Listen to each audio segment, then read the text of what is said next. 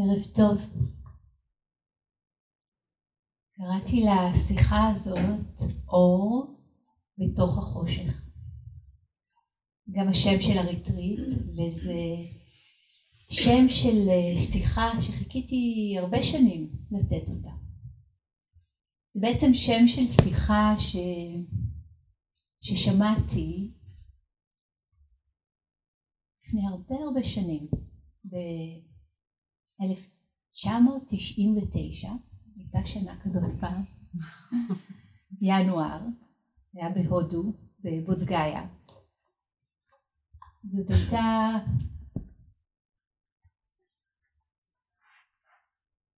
זאת הייתה הפעם הראשונה שהגעתי לריטריט מדיטציה עם מי שהיה אחר כך לימים חבר יקר לדרך, אחד המורים שלי, כריסטופר טיטמוס. זה אחרי שכבר תרגלתי כמה פעמים בגואנקה, מי שמכיר את הז'אנר. שומעים מאחורה? וככה איכשהו בדרך לא דרך בכלל לא התכוונתי, מצאתי את עצמי, לא משנה, סיפור ארוך, אה, בריטריט הזה. זה היה פחות או יותר כן, סביב הזמן הזה. היה ממש קר, היה קפוא, לא ידעתי בכלל למה אני נכנסת, זה היה באחד המנזרים התאילנדים שם. התנאים היו קשים, הכל היה אחר וקשוח, קשוח. והתרגול היה הדבר הזה שהחזיק אותי דרך, ה... דרך הזמן הזה, זה היה מההתחלה ריטריט של 20 יום כזה ארוך. ובאחד הערבים, באחד הערבים כריסטופר אה, נתן את השיחה הזאת, הוא קרא לה Light into the Darkness. זאת הייתה הפעם הראשונה ששמעתי על אתי הילסון, שהיום היא אה, הפכה להיות אה, כוכבת, הפכה להיות ממש ממש אה, ידועה, נכון? הרבה ציטוטים של הספר שלה תורגם שוב, פעם השנייה, שמיים שבתוכי. יש לי חברה טובה, אמה, אמה שבא, שהוציאה קלפים עם ציטוטים של אתי הילסון יחד עם, אה, עם דינה, דינה עוואד, שתיהן באנגלית, עברית וערבית. וזאת הייתה הפעם הראשונה ששמעתי את השם הזה, ופעם ראשונה ששמעתי ציטוטים שקשורים לאתי. אז חלק מכם מסמנים לי לקרב וחלק מסמנים לי להרחיק. אני מניחה שבסוף אף אחד לא יהיה מרוצה. we leave it at that. light into the darkness. אני זוכרת שאחד הדברים שכריסטופר דיבר עליהם שם, הוא סיפר שבאחד הריטריטים שלו היה אדם גרמני, מבוגר, עיוור, ש... הוא עלה למה שנקרא inquiry, חקירה עם כריסטופר, שזה פורמט כזה שעושים אחד על אחד מול כולם, וכריסטופר שאל אותו מה, מה קרה, למה הוא התעוור, או שהוא שיתף מעצמו, והאיש אמר שהוא עלה לאינקוויירי כדי לספר לכולם, הוא התעוור ב... מלחמת העולם השנייה. הוא לחם אה, בצבא הגרמני. הוא היה אז חייל צעיר. והוא התעוור מאחת ההפצצות של, ה... של הבריטים על גרמניה. והמשפט שהוא אמר לכריסטופר, כריסטופר סיפר אותו בשיחה ההיא, והוא נשאר איתי מאז, עד היום, אני מגישה אותו כאן. הוא אמר, an Englishman took my eyesight and another Englishman, הוא התייחס לכריסטופר, taught me how to see. זאת הייתה שיחה מאוד מרגשת, ובתוך כל, הקושי הפיזי הבאמת אה, קשוח של לשבת אה, בריטריט די, די מתחילה כזה בקור וביתושים שלא אכפת להם מהקור ובצפיפות והכל היה כזה קשוח קשוח קשוח. הדרמה שהייתה שם והתרגול שהיה שם היו כמו, כמו מים חיים או כמו אור אל תוך חושך. ואתם יודעים, כשאנחנו אומרים חושך, זה לא צריך להיות החושך הכי גדול, זה לא צריך להיות אה, מכת מצרים, זה יכול להיות הקיבוצים הקטנים והפרטיים שלנו, שאין להם אה, סיבות אה, כאילו מספיק טובות, אבל הם שם. והם עושים לנו רע. ופתאום יש איזה ניצוץ קטן של משהו אחר, ומשהו מתרחב ומשהו מתרווח ומשהו מקליק למקום ומשהו עוד יותר גדול יכול פתאום אה, לתפוס את המרחק הנכון ו... פתאום הפרדיגמה משתנה. פתאום התפיסה משתנה, פתאום החוויה משתנה. זה מוכר לכם? אז אנחנו בדיוק בזמן הזה בשנה, אתם יודעים, חנוכה. הרבה שנים אני לא מלמדת בחנוכה כי קר מדי.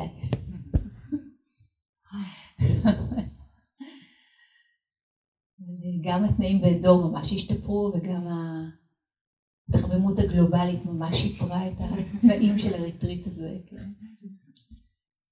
אבל אה, אני ממש שמחה על, ההזדמנות הזאת. ללמד כאן אה, בזמן הזה, דווקא בזמן הזה, ועם קרן ועם תמי, בחנוכה. וחג האור, אתם יודעים, הוא מגיע בזמן הכי הכי חשוך של השנה. בכל מיני מסורות. זה הזמן שמדליקים בו את האור.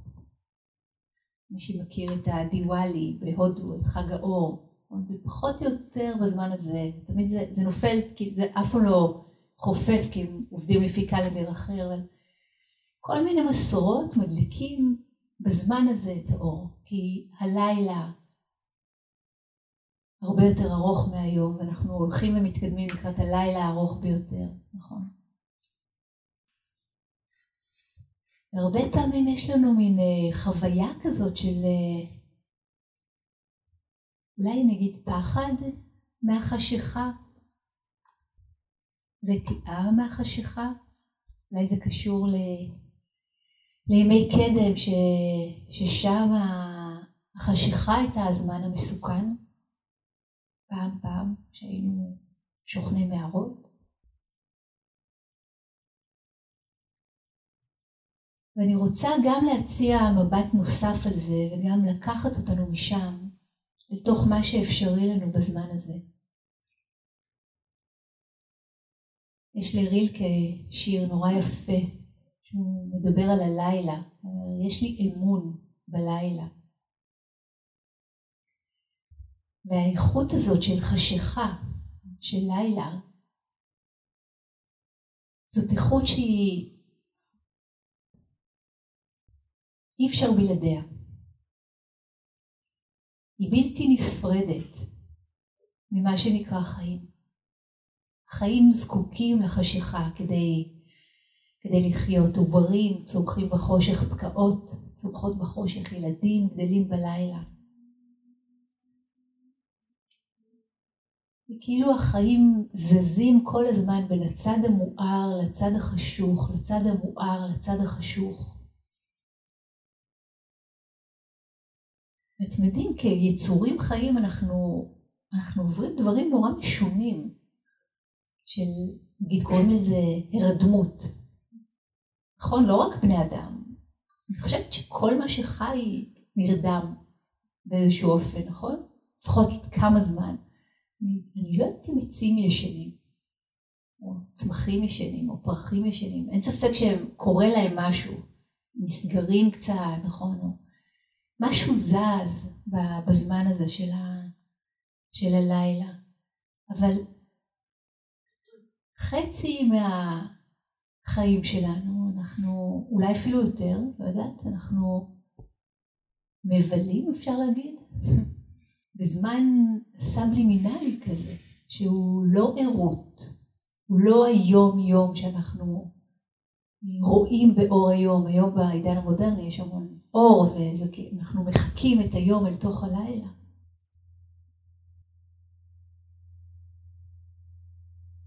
אז להיות, להדליק ולהיות האור הזה בתוך החשיכה, זה גם state of mind שנחוץ לנו וחשוב לנו. כשאנחנו רוצים לקחת בחשבון את הגם וגם, את האיכות החשובה של היום ואת האיכות החשובה של הלילה, לגדילה, לצמיחה, להתפתחות. לפעמים הלילה ארוך מדי. לפעמים הלילה הופך להיות מה שנקרא dark night, dark night of the soul, ליל האופל של הנשמה. כתבו על זה מיסטיקנים נוצרים ודיברו על זה וחוו את זה כנראה משחר האנושות. משהו באיזון מופר. החשיכה מתגברת, והיא מפסיקה להיות חשיכה מועילה וטובה ומפרה ופוריה. היא הופכת להיות חשיכה מהסוג הלא מיטיב. ובזמן כזה, ואולי דווקא במיוחד בזמן כזה, זה זמן של הדלקת נרות, ממש literally, אנחנו עושים טקס. אנחנו מדליקים נר אחרי נר אחרי נר, היום מה, נר שישי? נדמה לי, משהו כזה. זה משהו נורא נורא יפה שהאור הולך וגדל, הולך וגדל, הולך וגדל, הולך וגדל. מיום ליום. ככל שהלילות מתארחים, האורות גדלים. ומשהו בסימבוליקה של הטקס הזה מדבר למקום מאוד עמוק בתוכנו. קודם כל שזה אפשרי. דבר שני, שזה הזמן בשנה לעשות את זה. יש לנו תמיכה של הרבה הרבה דורות של ancestors, של אימהות ואבות קדמונים, גם בתרבות שלנו וגם בתרבויות אחרות, שהדליקו אור בתוך החושך. אנחנו נמצאים במין מקום כזה עכשיו, במין מצב כזה עכשיו, בעין הסערה. זה מקום מאוד מעניין ומאתגר להיות בו. עין הסערה יכול להיות מקום מאוד מאוד שקט, שמסביב רוכש בלגן שלם. אבל עין הסערה או חוד אתר, אם תרצו, זה, זה מצב תודעה. בתרבות הטיבטית למשל, יכולים לקרוא לזה ברדו, הבין לבין. אנחנו מוצאים את עצמנו לגמרי בתוך הלא ידוע, שמשהו מאוד גדול וחזק וקשה קרה לנו, והתנפצו בנו פרדיגמות, תפיסות, ידיעות, אולי תחושה של ביטחון, בטוח תחושה של ביטחון. כל זה ידוע. אבל בתוך המצב הזה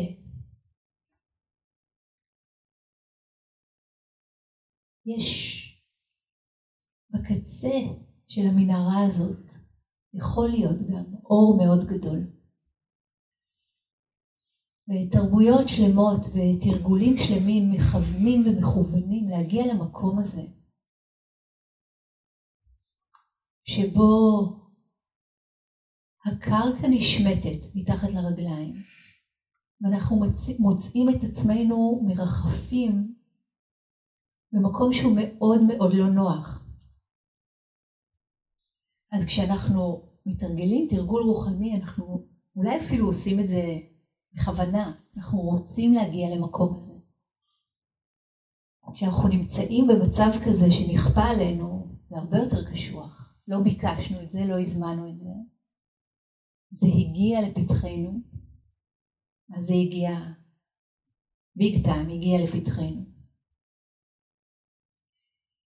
ובזמן כזה, במצב כזה, יש לנו כמה אפשרויות. אנחנו יכולים ללכת עם התנועה הטבעית של ההיסגרות, של ההינעלות. התגובה הכי טבעית שיש לכל יצור חי נוכח כאב, נכון? אנחנו מדברים על זה הרבה בריטריטים, בלימוד, בתרגול, יש משהו שהוא כואב בכל מיני רמות שלו, האורגניזם נסגר, כדי שמה שפחות משטח הפנים שלו יחווה כאב. זה נכון לגבי כאב פיזי וזה נכון לגבי כאב נפשי. זאת היא תגובה טבעית. אבל אם היא נמשכת לאורך זמן, היא מפסיקה להיות מיטיבה. ואנחנו בעצם יכולים למצוא את עצמנו בתוך ספאזם כזה, בתוך משהו שנתפס ונלכד, ואולי אפילו כופה, בתוך מצב של פצע, בתוך מצב של בהלה, בתוך, בתוך מצב של טראומה.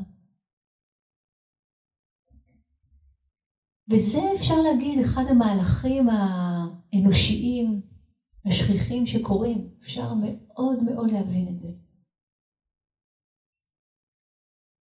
ואפשר גם אחרת. אפשר גם אחרת. בא לי להגיד חובה גם אחרת. לא רק בשבילנו, גם בשבילנו וגם בשביל האחרים. מה זה האחרת הזה? כמו שאמרתי קודם, אנשים מכל מיני תרבויות, אני חושבת עכשיו על האנשים שמתרגלים אה, בבודהיזם הטיבטי, אנשים שמתרגלים זן הרבה מאוד שנים, אנשים שמתרגלים ויפאסנה, הארדקור, יושבים בכל מיני מערות ומנזרים. מתרגלים לפגוש את הרגע הזה שהוא לא ידוע, שהוא קשוח, שהוא קשה להכיל אותו, ולפגוש אותו באופן כזה שבו הלב לא ייסגר, אלא דווקא ייפתח. וזה אחד הדברים הקשים לעשות כי זה counter intuitive, זה עובד כאילו נגד האינטואיציה שלנו, הרצון להיסגר ולהימנע.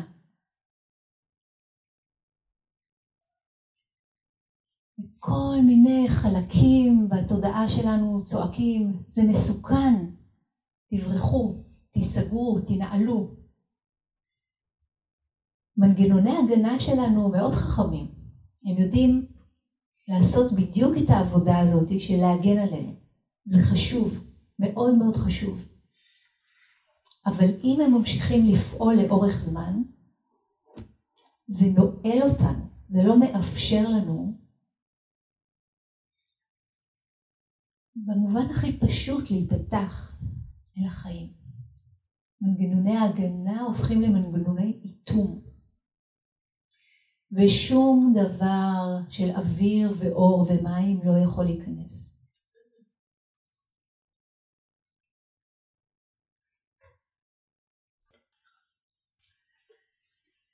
אז אני רוצה להצביע על עובדה מאוד פשוטה ואותי מאוד משמחת. שהתודעה שלנו, שהיא לא באמת דבר, היא לא באמת חפץ, היא לא באמת אה, משהו, כן? ועדיין אפשר לדבר עליה באופן כזה, היא מאוד מאוד נוחה להשפעה. אפשר לדמות אותה למים, למרות שיותר מדויק לדמות אותה לחלל, למרחב, לאוויר, שמקבל את הצורה של הכלי שהוא נמזג אליו.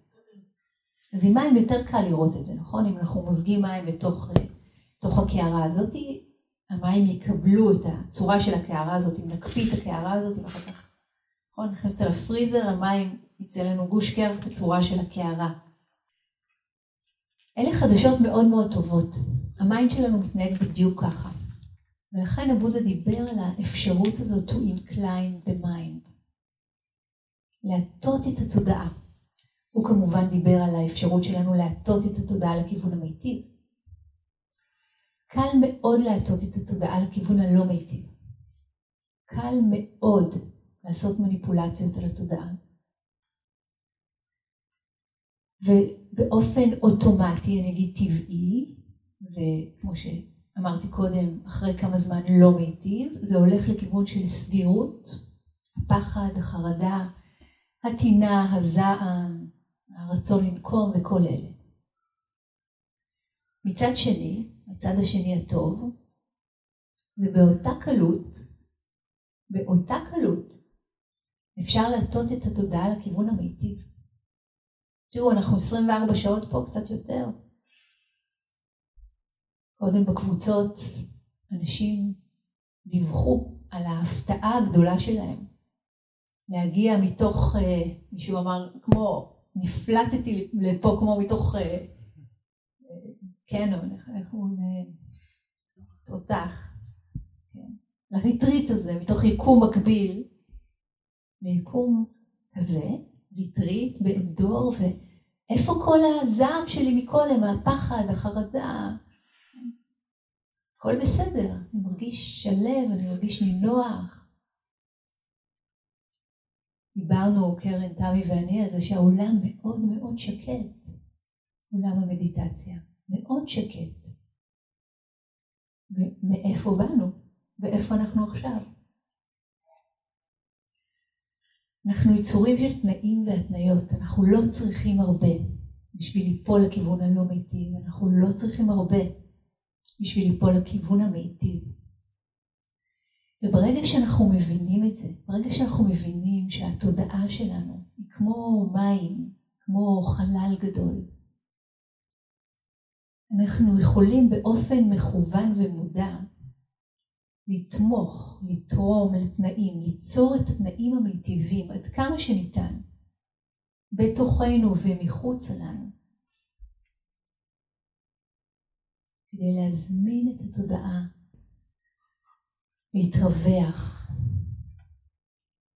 ולפתח ולטפח בה איכויות שהן מיטיבות. תעצרו רגע ותראו עכשיו שאתם מקשיבים לי, מה שלומכם? מה, מה שלום הלב שלכם עכשיו? איפה התודעה שלכם עכשיו? אני מרגישה את, ה, את החדר הזה שלנו כמו מקום מאוד שקט ונינוח. ובטוח יש פה כמה אורחים שבאים לבקר, בטח. ברור. אבל באופן כללי, אתם מרגישים את הדבר הזה? כן? יש לי אחד כזה, מי עוד? ייי, לא מתבייש. כבר מזמן הוכיחו כל מיני מחקרי מוח, יש אה, אנשים שאוהבים לעשות מחקרים כאלה, שמה שמשפיע הכי הרבה על המוח זאת התרבות. תרבות בכל המובנים שלה, ואולי זה כל הסיפור שלנו. יצירת תרבות חדשה, ואולי זה כל מה שאנחנו עושים כאן יחד עכשיו. יוצרים תרבות חדשה, אד הוקית, לעכשיו.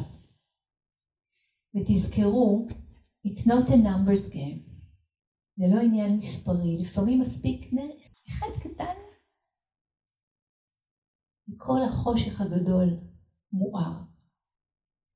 האמת שהבאתי פה הדגמה ממש מדליקה, יש לנו אור אז אני לא יודעת כמה נראה, תראו איזה יופי. אחד קטן להחליף צבעים. תבחרו צבע, תגידו לי על איזה צבע הייתם רוצים שאני אעצור. הראשון שבוחר זוכה. זה. זה. קסם כזה. אור אחד קטן, יפה נורא, זה יפה, לך טוב. ממגנט את המבט שלנו. לגמרי, הופ, ראיתם איפה התודעה עכשיו? כאן, ביופי הזה, באור הקטן הטורקיזי הזה. תראו כמה שזה קל, כמה שקל להישאב אל היופי. בדיוק באותה מידה קל להישאב לכיוונים הלא מיטיבים. כשאנחנו יודעים את זה, מה עלינו לעשות? הזמנים האלה מדברים בשפה חד משמעית. זמן משבר, אתם יודעים, זה... משבר זאת מילה עוד אה, תקופת התנ"ך, מדובר על אה, פי הרחם, על כיסא היולדת. משבר זה המקום שממנו נולדים חיים חדשים. אולי חלק בטח מכירים את הסיפור הזה, הסימניה הסינית למשבר זה קושי והזדמנות. זה תמיד בא ביחד. עד כמה נלך אחרי הצד הראשון של הקושי וניסגר כדי שנישאר כביכול בטוחים. כביכול, זה מה שהסיפור מספר לנו. ועד כמה נסכים לשחרר אחיזה בפרדיגמות הישנות שלנו. אתם יודעים, כי בשביל שלידה תקרה אחיזה כלשהי די רצינית, צריכה להשתחרר. yes, כולנו הגענו ככה לעולם. מישהי שחררה אחיזה מתישהו, נפלטנו החוצה. היי מאם. והרבה פעמים זה קורה ככה, דרך כאב, דרך המקור הזה של ייסורים.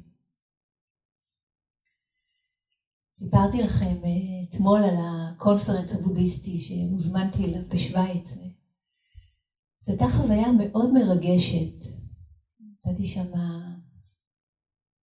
שיחה, שאלו אותי, סיפרתי על, אה, על מה שלומנו בזמן הזה, מה שלום הסנגה, מה שלום הדרמה בארץ, מה שלומנו, מה קורה כאן בישראל.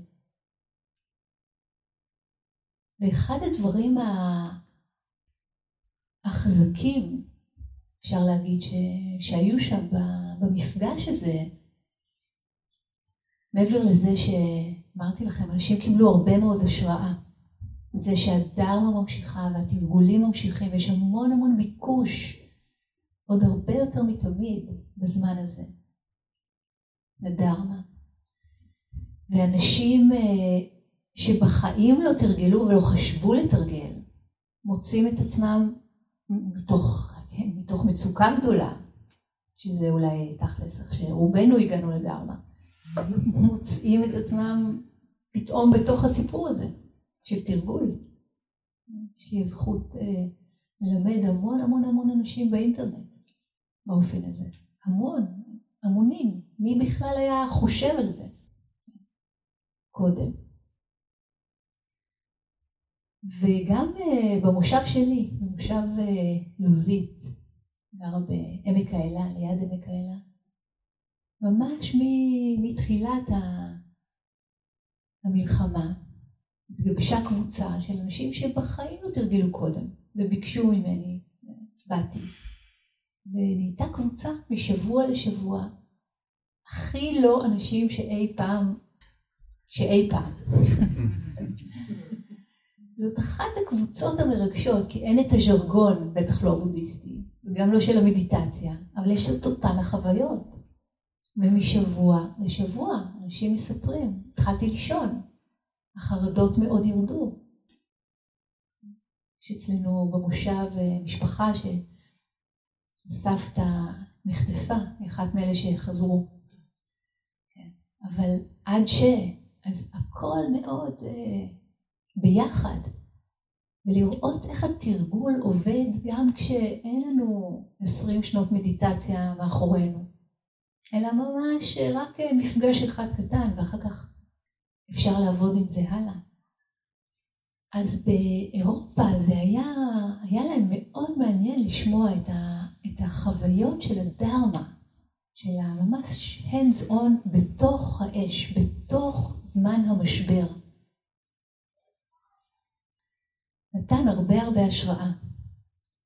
זה, זה בעצם, הם אמרו לי, that's the real deal. אם אתם יכולים לתרגל וללמוד וללמד בזמן כזה, זה נותן לנו הרבה ביטחון בדרך שלנו גם כן. זה היה בשבילי גם מאוד מרגש לשמוע וגם ככה לקבל את, התמיכה הזאת. ובכלל, שווייץ, אתם יודעים, הדברים, הדברים מתנהלים שם אחרת, מעבר לאוכל המהמם, למרות שאני חייבת להגיד שזכינו, יש לנו פה שפים מדהימים בריטריט, אז thank you so much. אז מעבר ל... לא משנה, והכל מחומה ושלג וכל הדבר הזה, בסוף שהיה מין מעגל סיום כזה. דברים שהם אמרו היו מאוד מאוד מרגשים, ואחד הדברים שהם אמרו זה שהיה להם מאוד מאוד אה, משמעותי לשמוע על הדרמה ועל הסנגה בארץ ומה שאנחנו עושים כאן. וכשהגיע התור שלי, הדבר שלי היה לשתף זה להגיד להם ש... ששלחו לי את ההוראות הגעה, איך להגיע למקום הזה שהוא איפשהו בערים, איפשהו בערים. אז הסבירו לי לקחת את האוטובוס, את הרכבת מפה לשם וזה, ואת האוטובוס שיוצא ב-15.23. לא האמנתי להם. לא האמנתי שיש שעה כזו בשעון, קודם כל. שיש אוטובוס שיוצא בזמן כזה. יש אנשים שחיים בצורה כזאת.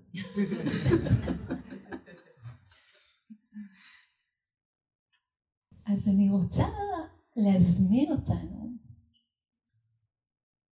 לשאלות המשמעותיות של הזמן הזה. אתם יודעים שאנחנו מסתכלים אחורה, ההיסטוריה הקצרה שלנו, לא אלפיים שנה אחורה, שבעים שנה אחורה, שישים שנה אחורה. הזכרתי את אתי הילסון, את מי אנחנו זוכרים מהזמנים הקשים ההם? אנחנו זוכרים אותה, אנחנו זוכרים את אנה פרנק, אנחנו זוכרים את ויקטור פרנקל, אנחנו... אני מדברת רק על התרבות הקטנה שלנו עכשיו. זוכרים עוד הרבה אנשים אחרים, נלסון מנדלה ו... כן. אז זה אנשים שבזמנים מאוד קשים של קושי, של משבר, הצליחו לעשות משהו אחר עם הלב והתודעה שלהם. ואלה האנשים שהולכים איתנו בלב מאז ועד היום, כי הם הנר הקטן בתוך החושך. הנר שנותן לנו את ההשראה. ואם רובנו מתקשים מאוד להתרחב במקום שסוגר עלינו ומצמצם אותנו, כי התנאים כל כך כל כך קשוחים, יש לנו את הידיעה הזאת שאפשר גם אחרת. שאנשים עשו את זה לפנינו, שגם אנחנו יכולים לעשות את זה, שגם אנחנו יכולים להיות הנר הקטן בתוך החושך לעצמנו ולמישהו אחר. תבחרו צבע. זה. And the winner is... מסופר על הבודה שהיה מאוד מעורב בפוליטיקה של הזמן שלו. ובכל פעם שהיה איזשהו עימות או היה חשש למלחמה, הוא הצליח כמה וכמה פעמים לעצור, ממש לעצור מלחמות. הוא הלך ודיבר עם השליטים שהאמינו בו ו... תרגלו איתו, ובאמת, הוא הצליח למנוע הרבה שפיכות דמים. אבל לא תמיד. לא תמיד. הוא לא הצליח למנוע מלחמה מאוד הרסנית, שבעצם די חיסלה את השבט שלו. למרות שהוא הלך וניסה ודיבר, הפעם הזאת הוא לא הצליח. הוא לא הצליח. יש תנאים, סיבות ונסיבות שככה הם עובדים. ויש את, אה, אתם מכירים את תפילת השלווה הנוצרית. הלוואי שיהיה לנו את הכוח לשנות את מה שאנחנו יכולות, יכולים לשנות. להשלים או לקבל את מה שאנחנו לא יכולים לשנות. ואת התבונה להבחין בין השניים.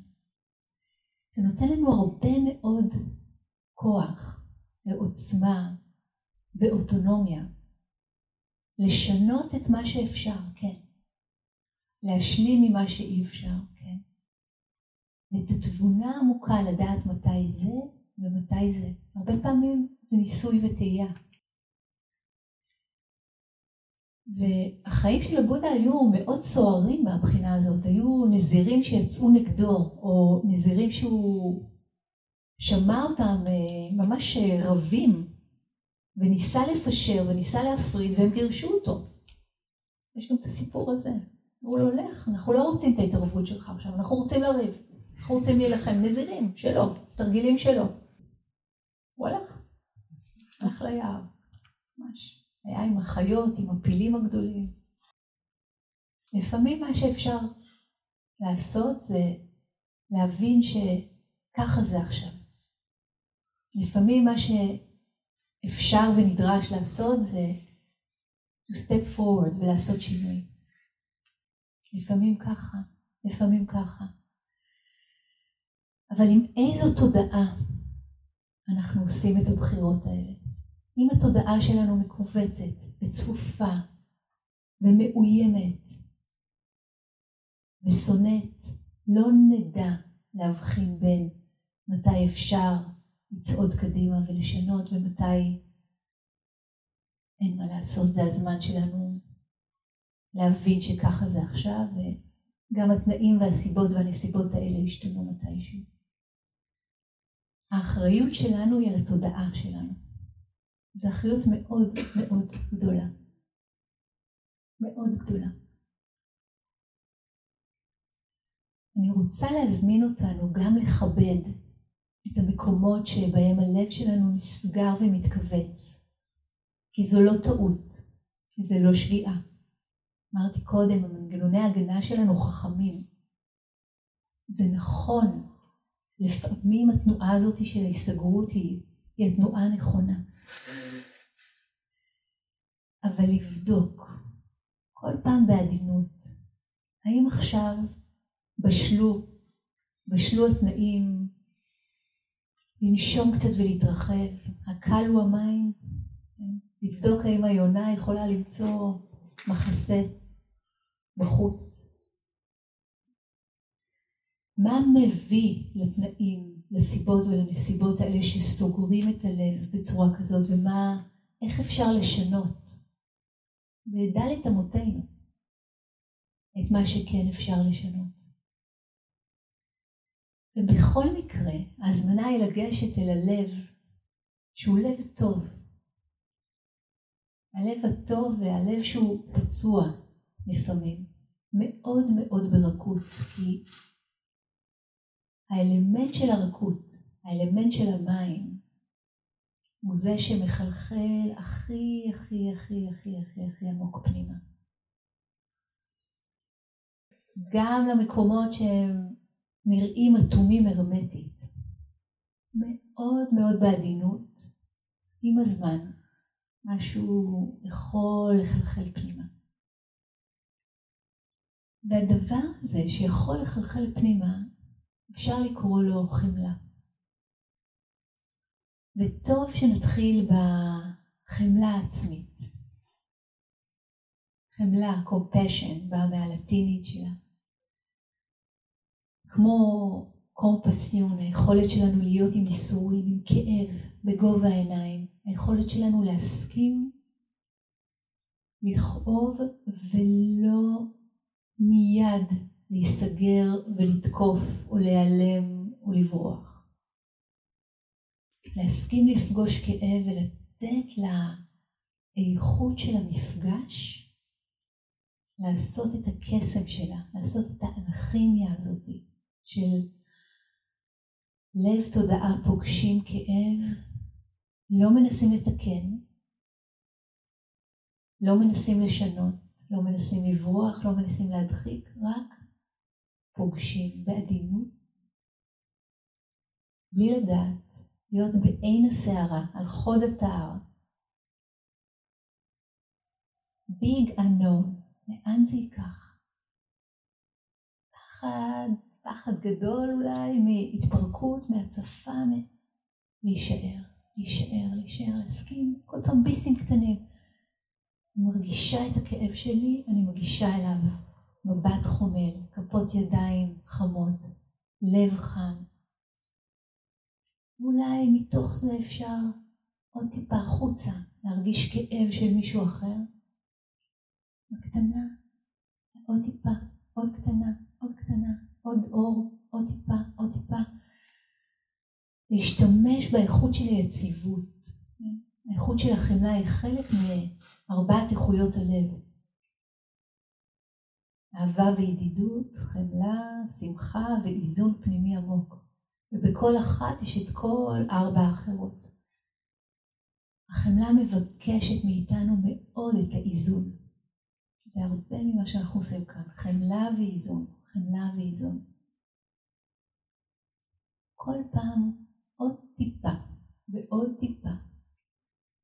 משהו מעצמו, משהו מעצמו מתחיל להתמוסס, מתחיל להיפתח. והחמלה הזאת, mind you, זאת חמלה עקשנית, כמו מים. היא לא מוותרת. היא לא מוותרת על הלב של אף אחד. זה איזשהו מנגנון פנימי עמוק שלוקח אותנו לכיוון המיטיב, אם נסכים, אם נרשה לו. ומה שיכול לעזור לנו להסכים ולהרשות לו זה ה-big view, זה המבט הרחב יותר, זה הסכמה לשינוי של הפרדיגמה. הסכמה לוותר לאחיזה,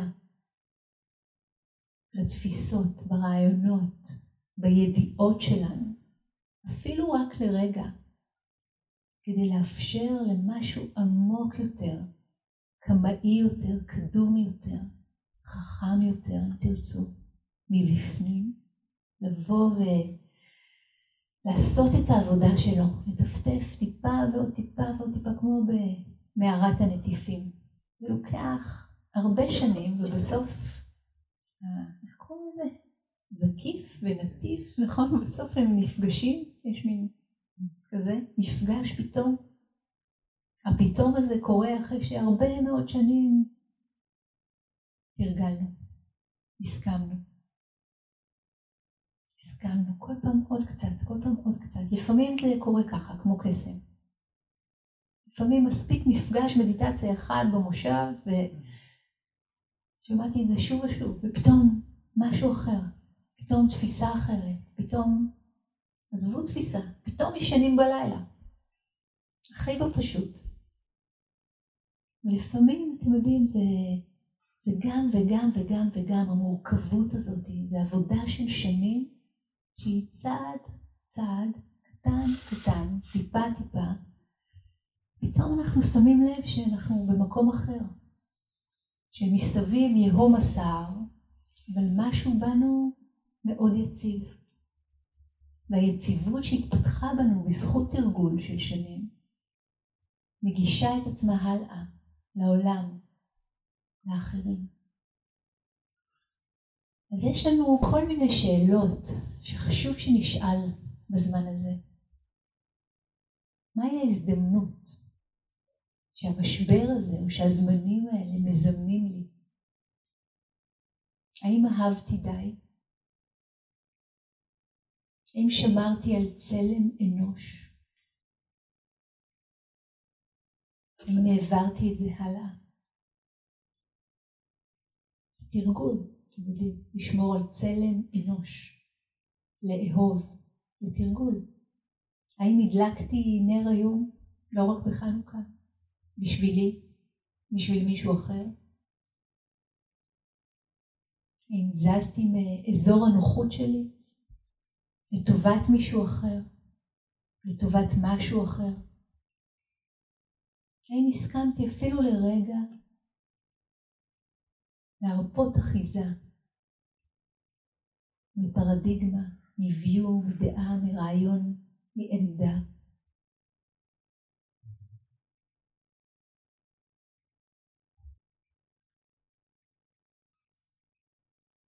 אני רוצה לסיים בכמה ציטוטים, איך לא, של אתי הילסון. מי שלא מכיר, אתי הייתה יהודייה שחיה באמסטרדם. תקופת השואה, ועברה, ככה, אישה צעירה, עשרים ומשהו, שמונה אולי, חיים מאוד ככה של חקירה פנימית ארוכה, תהליך מאוד מאוד מואץ, רוחני שקרה בה בגלל, ה... בגלל המלחמה. ובסופו של דבר היא מתה במחנה ריכוז. היא השאירה יומן שאחר כך מצאו אותו והפך להיות תורגם להרבה מאוד שפות. והיא כתבה חלק ממה שהיא כתבה במחנה. אתמול בערב נכנסתי למיטה בשעה מוקדמת ושכבתי והבטתי החוצה מבעד לחלון הגדול הפתוח ושוב חשתי שהחיים על כל המסתורים שבהם קרובים אליי כל כך שאני יכולה לגעת בהם כאילו אני נשענת על החזם החשוף של החיים ושומעת את פעימת, פעימות הלב החרישיות והקצובות. שכבתי בזרועותיהם החשופות של החיים והרגשתי בטוחה כל כך ומוגנת. וחשבתי לעצמי, זה מפליא כל כך. אנחנו שרויים במלחמה. אנשים נשלחים למחנות ריכוז. מעשי האכזריות הולכים ורבים. ובכל זאת, ברגעים של היסח הדעת והתבודדות, אני מוצאת את עצמי נשענת על חזה החיים, וזרועותיהם הרכות והמגוננות עוטפות אותי, ואני שומעת את פעימות הלב, שאינני מסוגלת לתארן אפילו. יום חמישי, 23 ביולי, תשע בערב. הורדים האדומים והצהובים שלי נפתחו לגמרי. בזמן שאני הייתי בגיהנום, הם המשיכו לפרוח להם בשקט. רבים אומרים לי, איך את יכולה לחשוב עכשיו על פרחים? אתמול בערב, אחרי שעשיתי את הדרך הארוכה הביתה, בגשם ובכף הרגל של פוחית, עשיתי עוד סיבוב כדי לחפש עגלת פרחים. הגעתי הביתה, ובידי זר ורדים גדול. עכשיו הם עומדים מולי, הם אמיתיים לא פחות מכל הסבל והמצוקה שאני רואה יום יום. לאור כל הסבל שמסביב, אני מתחילה להתבייש בזה שאני מתייחסת ברצינות כל כך אל עצמי ואל מצבי הרוח שלי. אבל אני חייבת להמשיך להתייחס אל עצמי ברצינות. אני חייבת להמשיך להיות המוקד, להתמודד עם כל מה שקורה עכשיו בעולם הזה. לא לעצום את העיניים לרגע, להתמודד עם מה שקורה בזמנים הנוראים האלה ולנסות למצוא תשובות לשאלות הבסיסיות שהם מעמידים לפנינו. אולי כמה מן התשובות יהיה בהן מענה לא לי בלבד, אלא גם לאחרים. מה לעשות, אני חיה, אני חייבת לפקוח עיניים לכל מה שקורה. לפעמים אני מרגישה כמו סלע בים סוער שהגלים מכים בו מכל הכיוונים. אבל אני ממשיכה לעמוד, ושיני הזמן מטביעות בי את חותומן. אני רוצה להמשיך לחיות את החיים במלואם. אולי אני אסיים בציטוט אחרון, יחד עם המופע האור קוליה הזה. אני רוצה להזמין אותנו לשמוע את המילים של אתי, כאילו הם המילים שלנו. כאילו משהו בנו אומר אותן. הסבל באמת גדול, אבל למרות זאת, לעתים קרובות אני הולכת בשעת הערב המאוחרת, כאשר היום שוקע מאחוריי עם עומקיו. אני הולכת בצעדים נחושים לאורך גדר התיל, ואז זה פורץ ועולה מתוך ליבי שוב ושוב. אני לא יכולה לעצור זאת, זה עולה כפי שהוא. כוח בסיסי הטוען, החיים הם משהו נפלא וגדול. מאוחר יותר יהיה עלינו לבנות את העולם חדש לגמרי. וכל עבירה נוספת, וכל אכזריות נוספת המתרחשים כעת, נצטרך לאמת עם חתיכה נוספת של אהבה וטוב לב שעלינו לכבוש ולמצוא בתוך עצמנו.